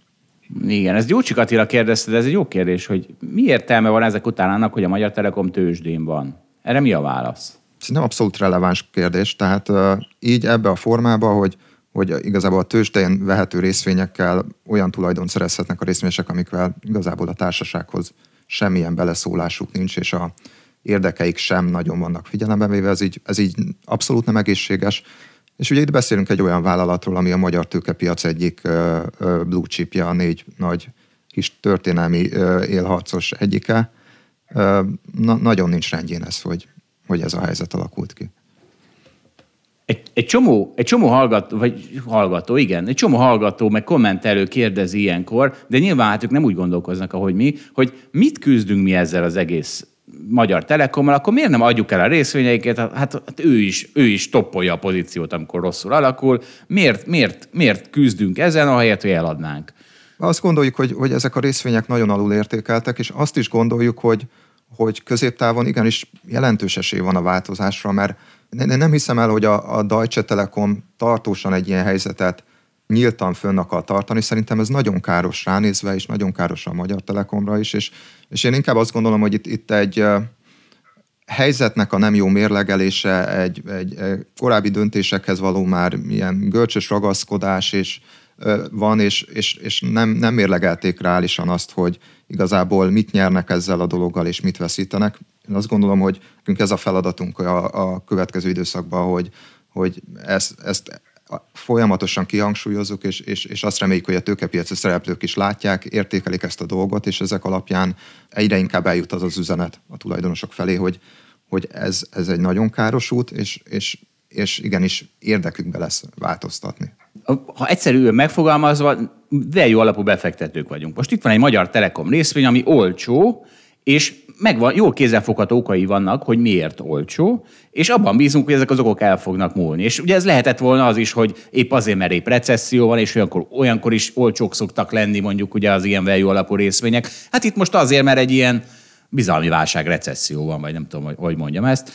Egyszerűen az a dolgunk, hogy ilyenkor megvegyük a részvényeket, és vagy kiüljük a recessziót, vagy esetleg még tegyünk is ellene, mint ahogy itt most teszünk ellene, ugye? Jó Zsolt, azért szerintem nem jobb emberi dolgoktól függni, mint gazdasági ciklustól, de kinek milyen az ízlése. Hát ezt meg könnyebben befolyásolod. Tehát mindegyiknek megvan az előnye. Hát Itt, hogy befolyásol? Hát könnyebben. Hát itt ember- volt ez a köz, közgyűlés is, látod. na jó, hát még egy út elején járunk, fiúk, aj, még egy út elején járunk. Ez olyan, mint a teljesítménytúra, egyébként azt mondtam Tamásnak, hogy, hogy az, hogy, az, hogy nem, tehát az a teljesítménytúra az tiszta hülyeség, nem? Tehát az elején tudod, hogy fogsz tenni egy kört, ami egy óriási szopás lesz, de akkor is örülsz a végén, hogy megtetted. Hát mi itt nekivágtunk ennek az útnak, egyelőre nem sok sikerrel, de hát de hát eh, a, maga az, hogy az úton járunk, és tanulunk, és, és, és így tovább, az, az is egy nagy öröm, ugye Tamás? I- igen, abszolút, nagy öröm. Még azt szeretném hozzátenni, hogy ilyen szempontból ö, sok befektető sokféleképpen ö, ítéli meg ezt a helyzetet. Mi, én, én egy dologban sokkal pozitív vagyok, és ö, ezért azt gondolom, hogy hosszú távon ez a dolog, nagyon bízok benne, hogy jól fog alakulni, az, hogy annak ellenére, hogy egyelőre ugye a befektetőknek a, szerintem nem kellően van velük megosztva a társaságba képződött eredmények, meg öm, készpénz, ez, ez a nem kiosztott pénz, ez nem tűnik el. Tehát itt, itt nem, nem azzal van, szembesülünk, szerintem én, én határozottan így gondolom, hogy, hogy az a pénz, ami nincs kifizetve, az, az eltűnik, elfolyik, valaki kilopná. Szerintem szó sincs erről. Egyelőre különböző érdekek miatt az az optimálisabb, főleg a Deutsche Telekomnak, hogy ez, ez halmozódjon. Szerintem ez az érdeke is idővel változni fog, és egyébként a, a, szerintem egyre tarthat, tarthatatlanabb és vállalhatatlanabb lesz ez a fajta kisbefektetői hozzáállás. Tehát én, igazából én, én türelmes vagyok abból a szempontból, hogy, hogy az idő nem dolgozik ellenünk. Persze szeretnénk, és, és fontos nekünk, hogy, hogy ez a fajta alulértékeltség belátható időn belül megszűnjön, és a társaság részvényei tükrözzék a valós fundamentumokat, de nem az van, hogy addig minden nap kidobott és elveszett idő. Tehát ugye mi a leveleinkben egyébként fölhívtuk a figyelmet arra, hogy szerintünk a társaságnak egy erőltetett adósság leépítése az, az már értékromboló, de azért ez hosszú távon van csak így. Az, hogy most még egy évig, egy-két évig többet fizet adósságot, ez igazából nagyot azért nem rombol értéket. Szerintünk sokkal fontosabb lenne az, hogy, hogy jövőképet kapjanak a befektetők arra, hogy, hogy ez meg fog változni, és a jövőben nem lesz ebből egy tartós értékrombolás. Na igen, de és ugye ehhez még azt akartam hozzátenni, és ez fontos hozzátenni, hogy tehát annak ellenére, hogy most itt konfliktusban vagyunk a Magyar Telekom menedzsmenttel ebből a szempontból, operatív szinten a Magyar Telekom az nagyon jól van menedzselve. Tehát a, a, a mindennapi működése az, az, a, az, az a nem, nem, azzal nincs kifogásolni valónk, ugye Tamás? Nincsen. Na. Tehát, hogy ez egy jó cég. Csak egyelőre ott gyűlik benne a pénz, ahelyett, hogy kifizetnék a tulajdonosoknak. Így Na, van. meglátjuk. Na figyelj, akkor vezessünk le ezzel, mert írtál egy cikket, hogy jelentenek-e menedéket a részvények inflációs környezetben, és miután felkészültem belőle, rájöttem, ezt egy éve írtad. De nem baj, mert így akkor most megnézzük, hogy hát azóta megjelent az infláció. Ha bár én még mindig Vegyük fel, hogy az az infláció. Végülis a mi szempontunkból mindegy. Mert ráadásul azért érdekes, mert a, ugye akkor a 66-70-es évek inflációs sokjára hasonl- hasonlítottad azt, ami majd itt elvileg jön, és tényleg az jött, mert akkor is egyfajta olajválság volt, hát most is egyfajta olajválság van. Hát sajnos ez egy rosszabb fajta olajválság, azt hiszem, hiszen emberek halnak bele, de Na mindegy, szóval, hogy, hogy érzed egyrészt Tamást? Az, ami a, mi az, ami úgy jól működött ebben az egy múlt egy évben, amióta megjelent az infláció, és másrészt pedig újra föltetjük a kérdést, az, a részvények nyújtanak fedezetet az infláció ellen? Ugye talán akkor azzal kezdem, hogy röviden összefoglalom, hogy, hogy akkor mit írtam, hogy mi volt a véleményem erről, hogy igazából az az időszak, amikor nagyon felerősödik az infláció és nagyon fölmennek a kamatok, ez összességében egy kedvezőtlen környezet a részvényeknek is. Kedvezőtlen leginkább és legegyszerűbben megfogalmazva azért, mert noha a vállalatoknak a profitjai azok viszonylag inflációállók, vagy hosszabb távon tartják a reálértéküket, az ő árazási szorzójuk erős nyomás alá kerül egy emelkedő infláció és hozam környezetbe. Tehát, hogy azért tartják ugye az, az értéküket, hiszen az infláció az maga az áremelkedés. Tehát a vállalatok emelgetik az árakat, ebből lesz az infláció, de hát akkor nekik nincs belőle problémájuk, hiszen egyszerűen csak megemelték az áraikat. Marginjuk mondjuk maradt hasonló. Ennél szerintem rosszabb a helyzet, vagy nehezebb, mert azért nem, nem olyan könnyű állandóan árat emelni. Egyes szektoroknak ez jobban sikerül, másoknak kevésbé. Tehát küzdelmesítő ez ilyen szempontból is nem, egyáltalán nem borítékolható, hogy mindenki csak fölemelte az árát, és nincs semmi hatása, és, és megnőtt a profit. Ennél összetettebb, de összességében azért alapvetően a vállalati szektor ö, több év távlatában tudja nagyjából növelni a profitjait ilyen környezetekben és az inflációval, tehát tudja a reálértékét úgy, ahogy a profitoknak őrizni, csak nyomás alá kerülnek a szorzók. És ebből a szempontból, és főleg akkor, hogyha kiinduló helyzetben alacsony kamatok és nagyon, nagyon magas értékeltség volt, ilyen, ebből a helyzetből kiindulva egy elég rossz részvénypiaci teljesítmény is tud lenni, amikor igazából nem tudják betölteni ezt a reálértékőrző funkciót. Ugyanakkor nem egyformák a vállalatok, és ugye most is egy olyan helyzet van, és egyébként volt ilyen korábban is, meg a 70-es éveket is jellemezte, hogy borzasztóan nagy eltérés van a, váll, a, a szekt, az egyes szektorok, meg egyes vállalatok értékeltségébe, és úgymond az érték alapú részvények, vagy value részvények ö, értékeltsége nagyon-nagyon nyomott a, azokhoz a vállalatokhoz képest, ahol nagy növekedés és nagyon jó jövőkép van ö, árazva. És azt gondoljuk, hogy és pont egyébként a, ezek a nyomottabb ö, értékalapú részvények között van jelentős mértékben olyan szektorok, akik akár nyertesei lehetnek ennek az új időszaknak, Ugye ezek voltak az energia meg nyersanyag vállalatok, ahol, ahol alapvetően ez az időszak jelentős profit bővüléssel jellemezheti. Másrészt meg a pénzügyi szektor, az egyik fő eleme a, a value szektoroknak, aki az elszenvedője volt annak a nulla vagy negatív kamat környezetnek, ami az elmúlt tíz évben jellemezte a világot, mert nagyon összeszűkítette a profit marginokat. Tehát azok a vállalatok vannak, meg egy éve voltak nyomottan árazva, akik egyébként szerintem jobban tudnak alkalmazkodni ehhez a környezethez, és akár még nyertese is lehetnek. És ezekre a váltokra én azt gondoltam, és azt mondtam akkor is, hogy erről a nyomott árazásról nekik nem igazán veszély az, hogy emelkednek a kamatok, és emiatt nagyon le kéne esni az árazásoknak. Ezek a részvények, a value részvények szerintem erről az árazások képesek lesznek egy inflációs környezetbe is reálértékőrzésre vagy gyarapításra. De hát nem csak szerinted, ugye van erről egy éves adatunk, ugyancsak egy éves, de akkor is van, megjelent az infláció, a, mit a Nasdaq az mínuszban, a Eurostox mínuszban, nem, a Nasdaq nulla körül, a Eurostox mínuszban, miközben a Deep Value alapunk, ugye az az az alapunk, amiben fokozottan halmozzuk azokat a részvényeket, amiket nagyon vonzónak találunk, az 10%-ot emelkedett ezen időszak alatt. Tehát, hogy van erre már számunk is, bár ez most ugye csak egy ilyen év, de akkor is érdekes. Igen, igen. Tehát most egy év én, ez, ez egy hosszabb távú ö, kép, amit mondtam, de most egy év visszatekintésében egyébként egyenlőre ez úgy igazolódott. Ugye közben jött egy háború is, ami egyébként eléggé még egy pont negatív sok a, részvényeknek, tehát igazából ebbe a, ennek a, ebbe a kontextusban, hogy az elmúlt egy évben a megugró inflációval, meg egy háború mellett is a value részvények pluszban vannak, nagyjából szerintem visszaigazolta, de inkább az lesz a kérdés, hogy három-öt év múlva hol vagyunk, és az visszaigazolja ezt. Igen, ezt akartam hozzátenni, hogy valójában utólag majd jól meg tudjuk ítélni, lesz valószínűleg nagy esés benne, meg lesz benne nagy emelkedés, tehát azért én arra számítok, hogy ez nem fog megváltozni. Tehát azért, mert van trend, azért lesz le meg föl, meg lesznek izgalmak, meg rövid távon nem azt fogjuk érezni, hogy nem tudom, külön a value részvény ebben az egy-két hónapban, hogy hanem majd, majd egybe ezt Abszolút. nézni és értékelni. Abszolút így van. Ez nem lesz egy, semmiképp sem lesz egy, egy nyugodt, lineáris emelkedés. Igen, tehát ne azt várja senki, hogy amíg magas az inflációs adat, addig a value részvény az biztosan nagyon jó. Azért ennél bonyolultabbak az összefüggések sajnos. Ez egészen biztos, és akkor most behozom, hogy miért. miért. Ezt már az előbb az Apple, meg, meg Facebook, meg Amazonnál is be akartam hozni, hogy ti mindig mindent fundamentumon magyaráztok, de, és a hangulatot valahogy kevésbé veszitek figyelembe, tehát hogy nem... Ö, a, amit meg én szeretek valahogy, valahogy behozni a képbe, ugye mondjuk ezt a technikai elemzés az az, ami ezt úgy, ahogy leképezi. Szóval, hogy ha a, a, tehát egy inflációs környezetben jól teljesíthetnek a value a, a, a részvények, csak ugye ott van még egy óriási kérdés, hogy mi van a hangulattal, hogy az inflációs környezetben, pláne hogyha most még valamiféle gazdasági lassulással is társul, elromolhat az a részvénypiaci hangulat, amitől aztán mondjuk akár még bővülő profitok mellett, ugye, tehát a szorzókat sem csak az viheti le, hogy közben emelkednek a hozamok, vagy a kamatok, hanem az is leviheti, hogy az emberek egyszerűen megijednek a világtól, és eladják a részvényeiket, és bemenekülnek valami biztonságosabb eszközbe.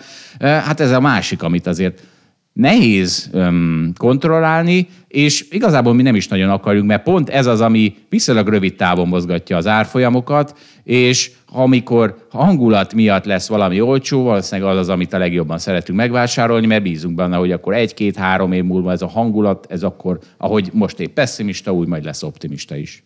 Hát akkor Tamás, akkor köszönjük szépen, ennyit akartunk mondani a témában.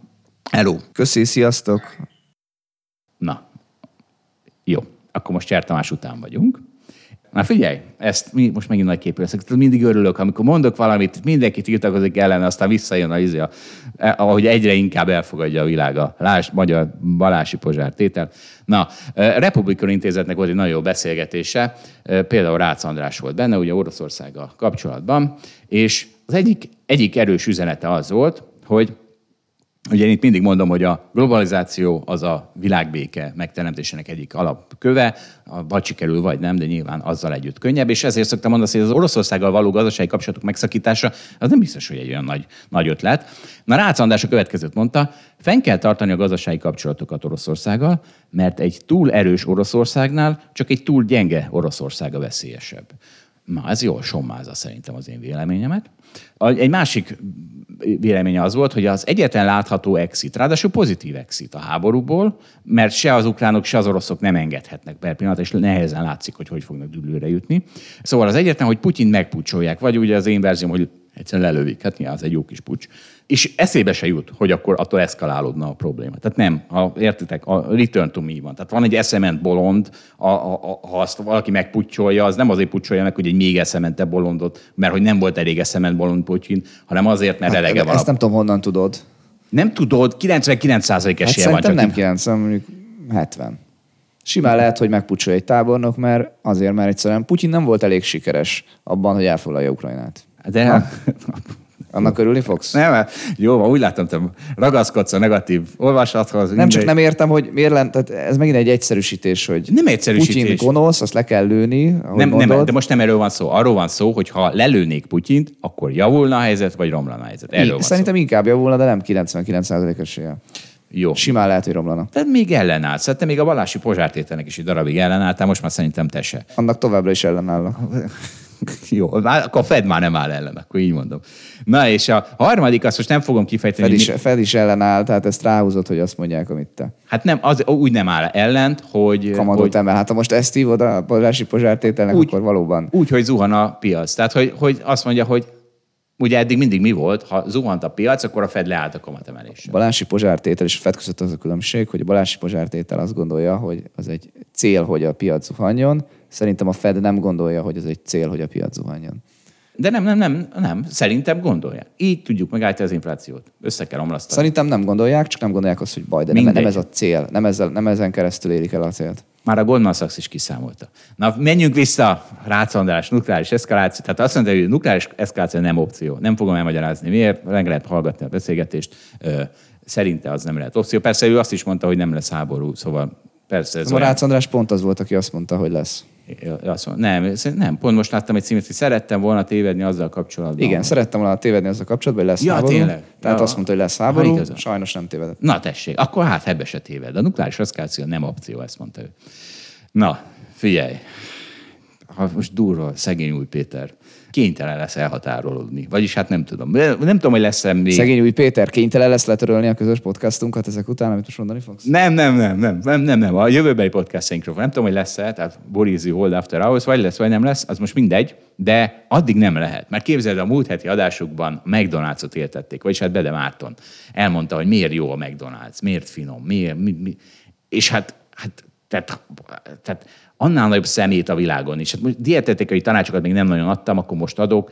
Ha az ember, ha jobbát akarja tenni az étkezését, csak két dologra figyeljen oda, tekintse méregnek a finomított lisztet, meg tekintse méregnek a finomított cukrot. És akkor, akkor sokkal beljebb lesz. Persze ez, ez, ez nehéz akkor, amikor jönnek az unokák, és a nagymama finomított cukorból, meg finomított lisztből süti a palacsintát, elmagyarázza neki, hogy ez méreg, és ne csinálja.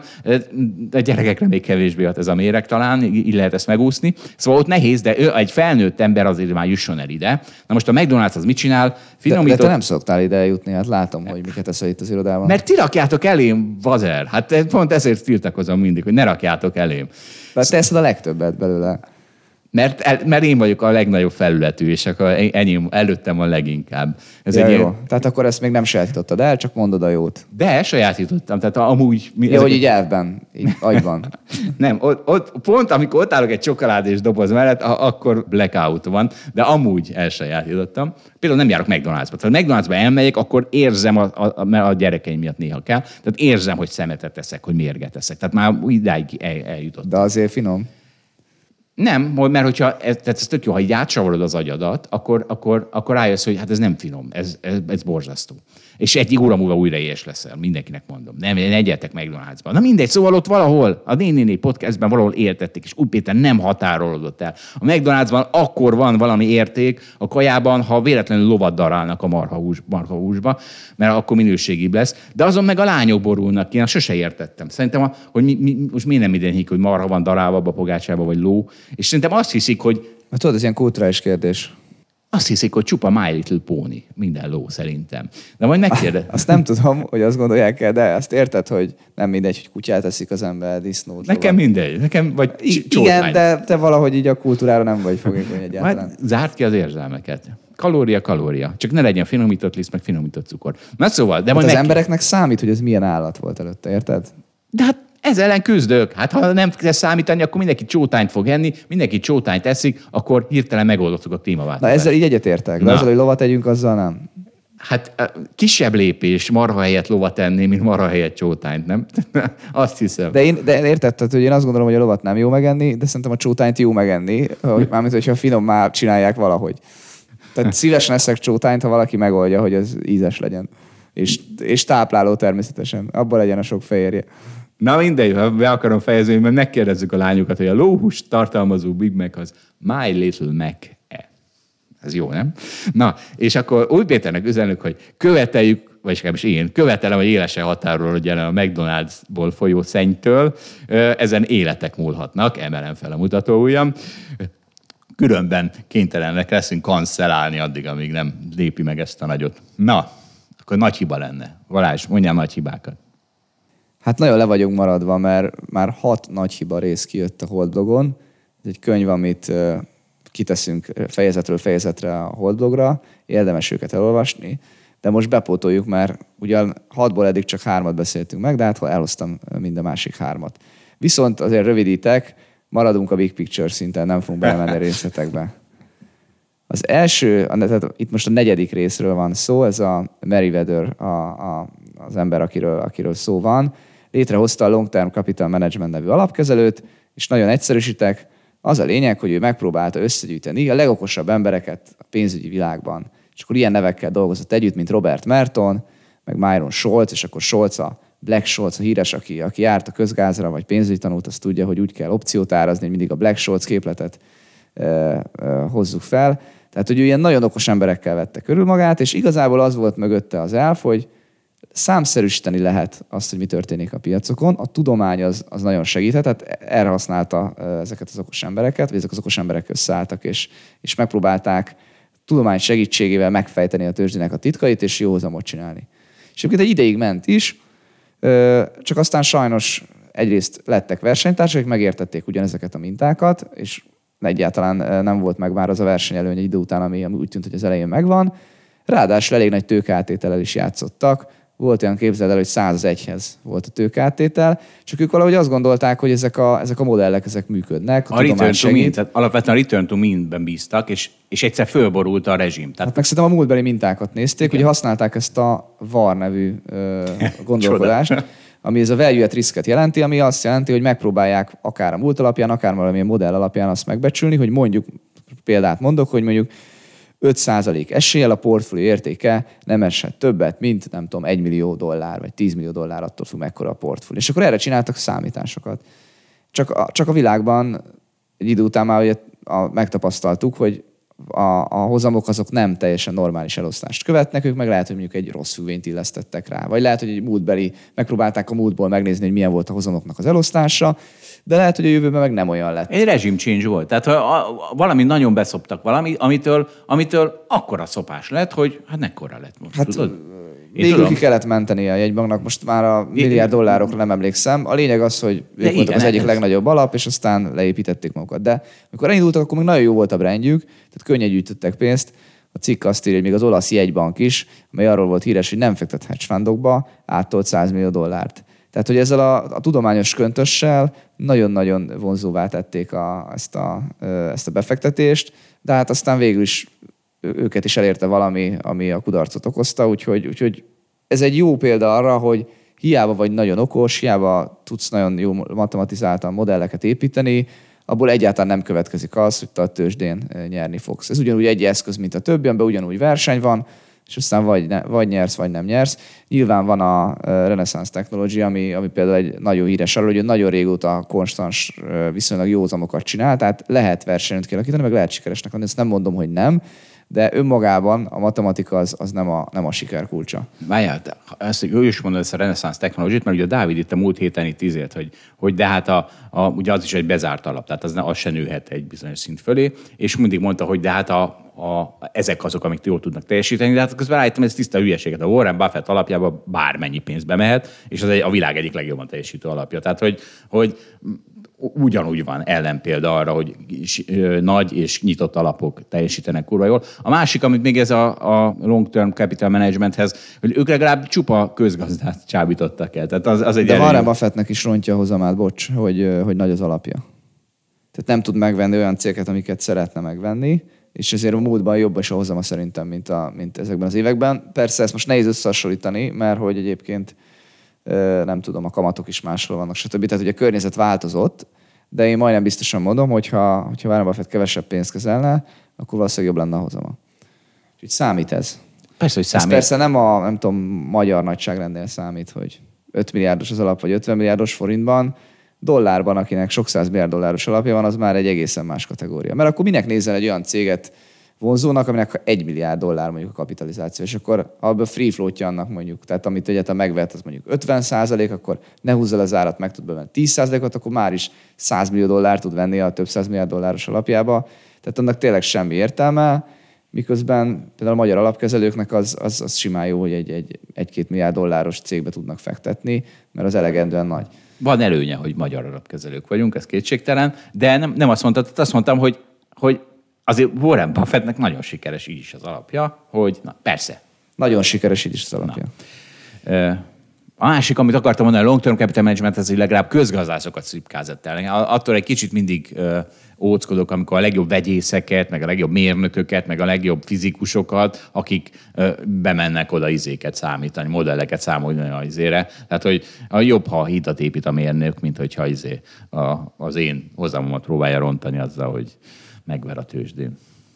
Azt hittem, hogy ilyen társadalmi oldalról fogod meg. Társadalmi oldalról hogy kezdtem. Jobb ha, jobb, ha hidat épít, és most az a fontos, hogy elrontja a te hozamodat, vagy hogy épít-e hidat, ugye nem mindegy. Látod, hát ez egy széles skála. Széles Együtt jár a skála. kettő. Na menjünk tovább a következőre. Jack Bogle-ről lesz szó, aki arról híres, hogy 47 évesen feltalálta az index követő alapokat. Ugye ma már tudjuk, hogy ez egy nagyon fontos dolog. Ugye, ahogy mondtuk, Warren Buffették is arról beszélgettek közülésen, hogy az amerikai befektetéseknek több mint a fele már passzív alapokban van, vagy indexkövetés, az, nem az is itt passzívnak számít. Tehát úgy gyakorlatilag nem csinálsz más, mint azt, hogy megpróbálod az index teljesítményét hozni. És akkor erre persze, hát a, mióta Jack Bogle ezt feltalálta a 70-es években, azóta nyilván a technika sokat változott, és nagyon olcsó lett, tehát ugye egy S&P 500 ETF az nem tudom 5 pontba került, tehát lényegében ingyen meg tudod venni a, megvenni nem biztos ingyen tudod, mert attól függ, milyen a broker cége, de tartani azt ingyen tudod szinte az S&P 500-at. De a dupla short ETF az nem, azt mondtad te is Balázs, és akartam mondani, és most, most eszembe jutott. Tehát tényleg az van, hogy egy dupla short ETF-en ott az ember havonta olyan 1-2 százalékot bukik. Tehát ahhoz képest, ahol lennie kéne az árfolyamának a dupla short ETF-nek, ahhoz képest 1-2 százalékkal havonta arrébb, ar, kevesebbet kap. Na, oké, mehetünk tovább. És a lényeg az, hogy ez a Google, ez, Ez egyébként nagyon sikeres befektető volt egy ideig, aztán neki is voltak kudarcai, de ezt most végül is ugorhatjuk. Ha valakit ez érdekel, akkor olvass el a cikket. Ami az egyik fő üzenet, hogy amikor elkezdte az index követő alapokat, azt hiszem a 76-os évben, akkor azt írja, hogy a meghirdetésekor a Vanguard célja 150 millió dollárnyi befektetői tőke összegyűjtése volt, ezzel szemben mindössze 11,3 millió dollár sikerült összekalapozniuk. Magyarul akkoriban, ezt ma már nehéz elképzelni, azt gondolták, hogy hát ez egy hülyeség. Tehát, hogy miért ne az okos value befektetőre, meg aktív befektetőre bízzuk a pénzt. Ezt nem tudom, hogy value befektető volt akkor a divat, vagy grossz, most mindegy is, inkább akkor úgy mondom, hogy aktív befektetőre bízzuk a pénzt. Hát meg kell verni a piacot. Az az érdekes. Hát ö, oda kell adni egy embernek. Az mi az, hogy csak követjük a, a, a piacot. Ma meg ennek az ellentetjét gondolják a legtöbben, bele kell ülni hosszú távon az S&P 500-ba, az úgy is jól hozott. Ugye ennek a gondolatnak sajnos az az alapja, hogy az elmúlt tíz évben jól hozott, az ugye nem garantálja azt, hogy a következő tíz évben is jól fog hozni. Sőt, Miközben 1976-ban még olyan évek is voltak, amikor kurvanikat estek ezek az indexek, meg stb. Tehát, hogy ugye ez a, ez a jegybanki hozzáállás nagy rész. Tehát azt, hogy most már az a hozzáállás, államok hozzáállás, hogy ne legyen tőzsdei esés, ne legyen recesszió, ne legyen semmi baj a világban, az valahol az csatornázható be arra is, hogy, hogy ilyen jól teljesítenek a passzív alapok. Igen, de tényleg az van, hogy szerintem akkor is, én most de meg kéne nézni, hogy a 80-as években nagyon jól teljesítettek ezek a passzív alapok, de akkor még egyáltalán nem voltak ennyire népszerűek. Most ugye 2000-es évek elején sem voltak annyira népszerűek, mint a 2020-as évek elején. Hát főleg azért, mert, mert, hogy, mert hogy egyébként utána lehetett 2010-es évek ben nem volt annyira jó a teljesítményük, mint ami lett tíz év múlva. Tehát mindig akkor népszerű valami, amikor jó volt a múltban a hozama, és aztán meg, meg, meg lehet szívni azzal, hogy esetleg meg következő tíz év másképp alakul. Én most is ezt látom, hogy a következő tíz év másképp fog alakulni, mint az előző tíz év. Tehát valószínűleg a passzív befektetéseknek azt gondolom, hogy lesz relatív hanyatlása, még hogyha annyira alacsony szintre, mint mondjuk 10 vagy 20 éve volt, az nem fog visszamenni, de azt gondolom, hogy lesz relatív hanyatlása a passzív befektetéseknek. Hát e, e, ez egyébként elkezdett történni az elmúlt négy hónapban, aztán ez nem biztos, hogy tíz éves trend lesz. Hát Warren Buffett meg Charlie Munger ezért örömködött annyit a közgyűlésen. És akkor zárásképpen egy teljesen off-topic kiemelés tőlem a cikkben, ezt hallgass meg, azt írja, a Wellington név, ez egy alapneve volt, a Wellington név varázslatos csengéssel bír, amit a minőség egyfajta nehezen meghatározható atmoszférája ölel körül. Tökéletes névvé téve azt egy konzervatív pénzügyi szervezetnek. Ő egy tábornok volt, azt hiszem ő verte meg a Napóleont, valami ilyesmi volt ő. Szerintem azért, nem? Igen, de hogy szerintem nem ez a fontos, hanem csak a csengés, tehát az, hogy hogy hangzik. Ja, ez nagyon, ja. azt akartam kiemelni, hogy nagyon fontos, hogy az alapkezelőnek milyen a neve.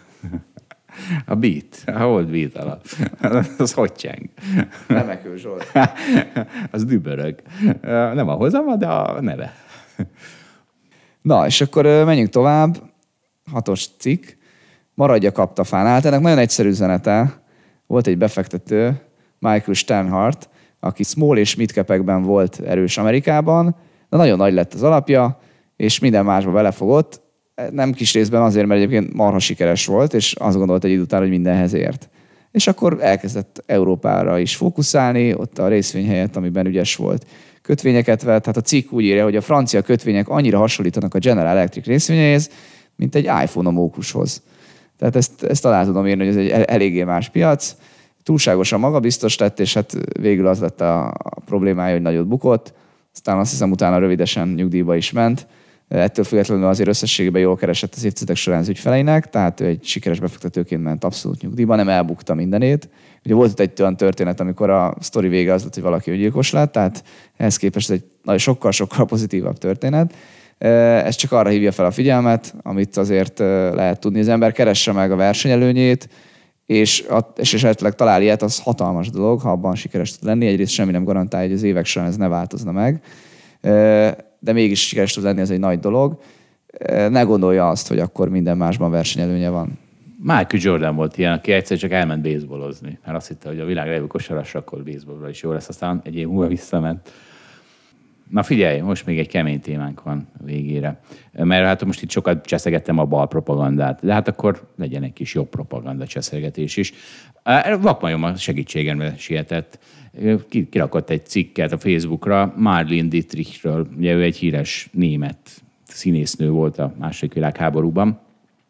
Marlene Dietrich mondta, hogy a németek és én többé már nem ugyanazt a nyelvet beszéljük, Hitler egy idióta, meg ilyeneket, és elmenekült a náci Németországból, Amerikába, és ott sokkal nagyobb karriert is futott aztán be. Sőt, a háború alatt a frontra is rendszeresen kiárt előadásokkal szórakoztatni a volt hazája ellen harcoló amerikai katonákat. És akkor lehetne itt árulózni. De én, én teljesen megértem. Tehát az, a, na mindegy, mindjárt kiderül, miről Hát beszélünk. aki náci Németország ellen harcolt németként, én azt nem tartom árulónak. Na, na de De szerintem a németek sem. mindjárt jön, mert ezt egy kicsit hosszabban vezettem föl, de mindjárt érünk ide, hogy mi van. Tehát Marlin Dietrich felismerte, hogy a mi németek, az egy mekkora hazugság, és kihúzta magát a tömegpszichózis alól. Tehát az akkori németek biztos árulónak tartották. De várj, de mindjárt el, eljutunk oda. Egy része a németeknek, egy része meg nem. Ma Dávid a múlt héten említette a survivorship bias tehát ezt a túlélési bias ami, ami nem más, mint mondjuk, elmondom, mi az eredeti sztori hozzá, mert ez egy nagyon jó sztori, cikkünk is van róla.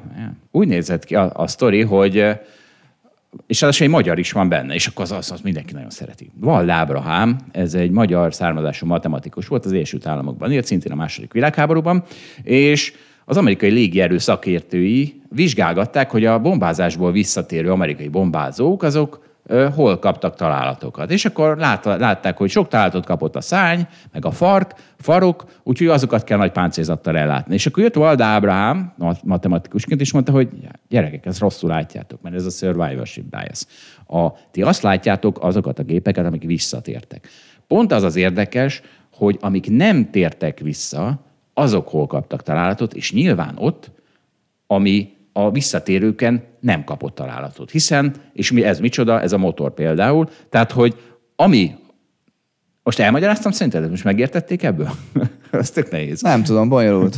Ne, tehát ha visszatér egy gép, és kap egy csomó találatot a szárnyán, akkor az túlélte. Nem azt kell vizsgálni. Nekem azt, már sokszor elmagyaráztad, hogy én értem. Na, azt kell vizsgálni, amelyik nem tért vissza. De azt nem tudjuk vizsgálni, de tudjuk, hogy nyilván az ott kapott találatot, ahol a többi nem. Na ez a survivorship bias eredeti megfogalmazása, vagy nem is tudom, hogy, hogy, hogy, hogy mi, lehet, hogy ezért survivorship. Na, írtam erről egy cikket annól, és kiraktuk a Facebookra, és akkor gondoltam, hogy hát ez biztos népszerű lesz, mert mindig annyira örülnek, ha van egy magyar név benne, és íres magyar, és tényleg, tényleg nagyon, nagyon a népszerűségnek örvendett. De nem azért. Van ugye néha ilyen, például arról írok, hogy az Erzsébet város ingatlant milyen jó eladni, hiszen az ember már utál eladni, a, utálott lakni a buli negyedben, viszont borzasztóan megdrágult a lakása, akkor ha ez bejutott az Erzsébetvárosi buli negyed ellen küzdők Facebook csoportjába, akkor óriási felháborodás és rengeteg reakció jön a cikkre. Na most ez is bejutott egy ilyen csoportba, a mély magyarok, mély magyarok so- csoportjába, és mert képzeld el, hogy nem azon, nem annak örültek, egy része annak örült, hogy magyar, tudós, nem, híres, a másik pedig, hogy ez a szemét, magyar, ez az, az amerikai bombázókat a magyarok, a nácik, a, az, az európai hadszintér ellen készítette föl. Hát ez nekünk, ez ellenünk volt. Ugye érted? Tehát mint egy ellenségként tekintettek arra, és én rettenetesen csodálkoztam. Tehát vannak olyan magyarok, akik egy második világháborús filmben náci Németországnak szurkolnak, mert az a mi magyarok vagyunk. Na, na, ez, ez, ez, nekem, ez nekem egy óriási ízé volt, ilyen, nem is tudom, milyen releváció. Azért remélem, hogy a nem tudom, 46, nem tudom hány éves vagy, éved alatt rájöttél, hogy Magyarországon vannak ilyen emberek. Hát én, én, én, én, hát én még most is Nem volt nehezen hiszem. teljes a meglepődésed, remélem. De az volt, teljes volt a meglepődés. Nekem teljes volt a meglepődés, sajnálom. Hát akkor még sokat tudsz tanulni. Hát, de ezt már 36 évesen megtanultam, nem tudom hány évesen, már 40 évesen megtanultam. És, eh, és, és egyébként... Egyébként ezúton is gratulálok, hogy a mély magyarba bekerült egy cikked. Független attól, hogy nem ismerem a mély magyart. Már mi, az mély magyar, az nem... nem a azt én Facebook csak, csoport. Én nem, az nem, Nem, csak nem. Én, én, én, tituláltam így őket. Én azt Tehát hittem, hogy van ilyen Facebook csoport. Én nem tudom, az- hogy van-e ilyen. Csak hogy egy olyan Facebook, tehát olyan Facebook buborékra talált rá, akik tudod, elkezdték Ja, És egymást. te hívtad mély magyarnak. Én hívtam mély magyarnak, Ja, igen. ja. Akik, akik, akik, Hát azért így ez le van az értékéből. Hát most mindegy. És, és egyébként most ugye, ugye ezt látjuk most is, most is van egy náci országunk, a náci Oroszország, és mégis a, a, egy csomóan nekik szurkolnak például Magyarországon, szerintem egészen elképesztő módon, és ki lehet húzni magad a tömegpszichózis alól? Szerintem Oroszország nem náci, de most mindegy, ezen Hát amikor ugye... agresszornak agresszor, de nem náci. A náci nem attól lett, hogy agresszor náci, attól lett, hogy a hátra kötözött kezű civileket lövi tarkon. Ettől, ett, ett, innentől kezdve hívjuk őket náci Németországhoz hasonlódnak. És tehát ki lehet húzni magad a tömegpszichózis alól. Lehet azt mondani, mint ahogy Malin Dichtig is azt mondta, hogy nem, nem mi németek vagyunk, hanem, hanem ezek a németek, ezek rohadtak. És na, és akkor az én célom, hogy legyen mindenki Malin Dichtig. Tehát Malin Dietrich, tehát akár klímaváltozásról van, akár magyarkodásról a téma, húzza ki magát a tömegpszichózis alól. Ez egy sokkal jobb hely lesz ez a világ így. Na, befejezhetjük békésen? Persze, sokkal jobb lenne. Mert múltkor nyafogtam, hogy nem találom a kulcsomat, meg az irataimat, és kiderült, hogy van egy kiváló Apple termék rá, és azt már elhiszem, hogy működik. Tehát a, a, ha az Apple csinálja, meg nem valami gagyis startup, akkor elhiszem, hogy működik. Az AirTag, csomó hallgató elküldte, köszönjük, köszönöm szépen. És annyira jól működik állítólag, hogy amikor az orosz katonák ellopták a erteges dolgokat Ukrajnából, akkor azzal, azzal tudták követni az orosz átcsoportosításokat, mert, mert látták, hogy izé. Úgyhogy, úgyhogy én is beszerzek egy erteget, remélem, hogy sose kell majd orosz átcsoportosítani. Nincs már szükség az amerikai műholdképekre. I- igen, igen. Na, szóval E, megpróbálok beszerezni értegeket, és mindenemet megértegezem. Köszönöm szépen, és akkor akivel találkozunk az élőadáson, azzal találkozunk, akivel nem, az nézhet minket majd élőben is, meg lehet kérdéseket föltenni a Facebook csoporton keresztül. Ah, nagy, nagy dolgok lesznek ezen a majárison, nem Balázs? De, de, de. Szabó Már nagyon várom. Szabó Dávid is lesz a vendégünk ott. Na hát köszönjük szépen a figyelmet, akkor mindenkinek jó mulatást. Köszönjük a viszonthallásra, sziasztok! Köszönjük, hogy velünk tartott a Hold After Hours mai részében. Ha tetszett a műsor, kérjük értékeljen minket, és iratkozzon fel csatornánkra, hogy azonnal értesüljön legfrissebb epizódjainkról. Az adással kapcsolatos részleteket és az említett cikkeket, ábrákat keresse a Hold blogon. Ez volt a Hold After Hours. Tartson velünk a következő adásban is!